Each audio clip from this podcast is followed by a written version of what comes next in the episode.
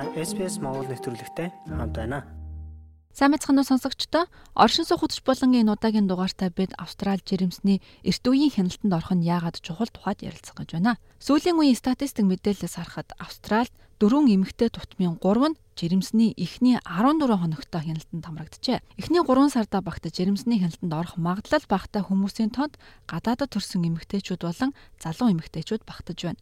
Жирэмсний эрт үеийн мэрэгжлийн эмчийн хяналтанд орох нь ээж болон урагт цаашлаад тухайн гэр бүлд чухал ач холбогдолтой байдаг тухайд эмчнэр зөвлөж байна. Тэгэхээр жирэмсний хяналтанд эрт үедээ орох нь яагаад чухал вэ? SBS Монгол нэвтрүүлэг таны гар утас болон цахим хуудасд нийлдэхтэй байна.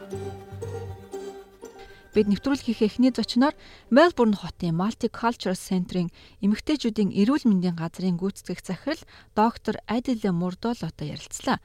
Тэрээр жирэмсний хяналт нь жирэмсэн эмэгтэйн хувьд болон түүний хүүхдийн эрүүл мэндийг сайжруулах аливаа эрсдлээс урьдчилан сэргийлэх зорилготой хэмээн яриагаа эхлүүллээ. Та бие давхар болсон гэдгээ мэдсэн даруйда эмчтэй уулзах цаг авах хэрэгтэй. Дараа нь тогтмол үзлэгт хамрагдах хэрэгтэй. Учир нь жирэмсний хяналт нь тухайн үед ямар нэгэн эмгэгийн шинж тэмдэг байгаасыг тухай бүрт нь илрүүлэх зорилготой байдаг. 2019 онд нийтлэгдсэн судалгаанаас харахад эмэгтэйчүүдийн 55% нь жирэмсний 17 хоногтойдоо эмнэлэгт хандаж байна хэмээн Австралийн эрүүл мэнд халамжийн хүрээлэнгээс мэдээлжээ. Энэ үзлэгт хожуу орж буй дөрвөн бүлгийн нэг нь цагаат эмэгтэйчүүд байгаа тухай доктор Мурдоло тайлбарлаж байна. We know that migrant women access antenatal care at a much Цагаач эмэгтэйчүүд жирэмсний хяналтанд бусад цагаач бус эмэгтэйчүүдтэй харьцуулахад хожуу очиж байна. Мөн Австралийн засгийн газрын эмэгтэйчүүдэд 17 хоногийн дотор жирэмсний хяналтанд орохыг зөвлөж байгаа. Гэвч 27 хоног өнгөрсний дараа ч гэсэн цагаач эмэгтэйчүүдийн 20% нь жирэмсний хяналтандаа хамрагддаггүй. Эдгээр нь Австрали даяар гарсан тоонууд боловч зарим нийгэм эдийн засгийн хувьд доогуур бүс нутгуудад энэ хувь хэмжээ уламж доогуур байдаг мөн ямар ч хяналтанд ордоггүй төрдөг цагаач эмэгтэйчүүдж байдаг. Доктор Мурдула тогтмол үзлэг хийлгэснээр эрт үеийн хүндрэлийг илрүүлж урьдчилан сэргийлэх боломжтой гэж үзэж байна.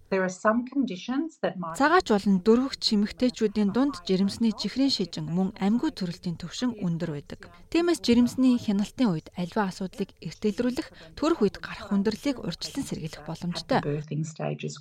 Аманда Хенри бол их барих эмэгтэйчүүдийн чиглэлээр дэд профессор цолтой. Сидней дэх Сент Жорж улсын эмнэлэг болон Royal Hospital for Women эмнэлгийн их барих эмэгтэйчүүдийн эмч юм а. Тэрээр жирэмсний эхний үзлэгийг 14 дахь 7 хоногоос хойш биш харин эхний 17 хоногтой багтаан эхлүүлэхийг зөвлөж байна. Um, Бидний жирэмслэлтийн үед хийдэг шинжилгээнүүд нь гурван үндсэн ангилалд хуваагддаг. Хит авийн онцлогоо цус, замун шээсний төрлийн шинжилгээнүүд үүнд багтдаг. Нэмээд умаа хүзүүний үзлэг, цусны даралтыг шалгах, сэтгэл зүйн эрүүл мэндийг шалгах зэрэг бусад шинжилгээнүүд багтдаг. Профессор Хенри хэлэхдээ шинжилгээний эхний уулзалтыг GP дээрээ цаг авч товлож болно гэлээ. Жирэмсэлсэн гэдгээ мэдсэн даруйд эхлээд GP-гийн эмчтэй үзүүлэх хэрэгтэй. Эхний үзлэгээр эмч чинь тухайн эмэгтэй цусны даралтыг үзэж ерөнхий эрүүл мэнд хэр байгааг шалгаж жирэмслэлт нь нөлөөлж болцсохгүй нөхцөл байдлыг анхан шатны үнэлгээ хийдэг. Тэгээд цус шээсний шинжилгээ хийлгэх эмчийн бичиг хийж өгдөг.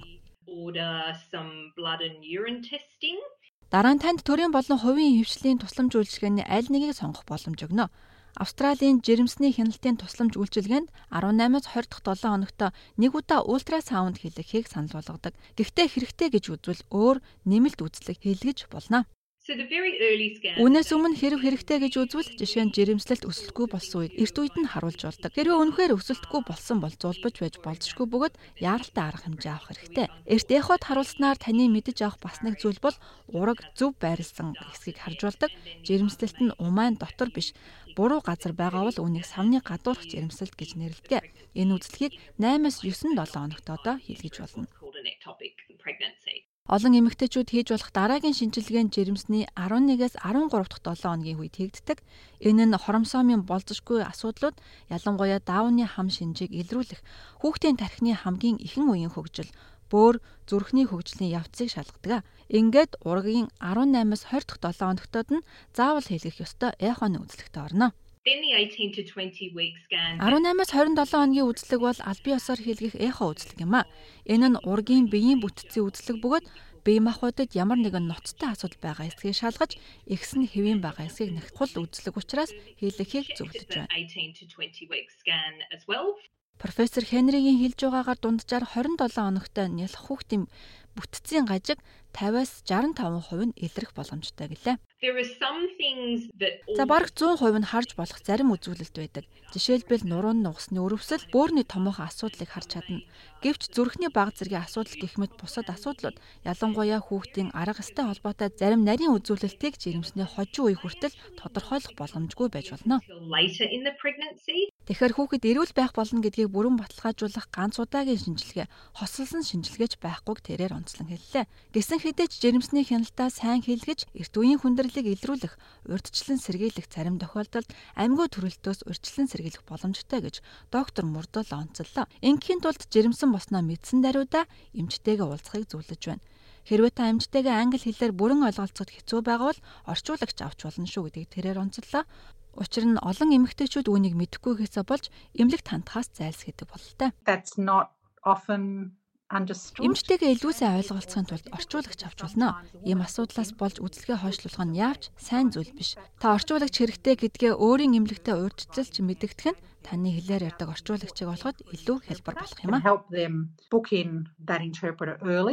Орчны суух хөтөж булангийн удаагийн дугаар инх өндөрлөж байна. Та орчуулагч болон бусад хэрэгтэй тусламж авах цахим хаяг утасны дугаарыг нэвтрүүлгийн тайлбар хэсгээс аваарай. Австрали улсад байгаа бусад монголчуудтайгаа холбогдоорой. SBS.com.cg-ийг урагшаа зураас Mongolian хуудасаар зочлоорой.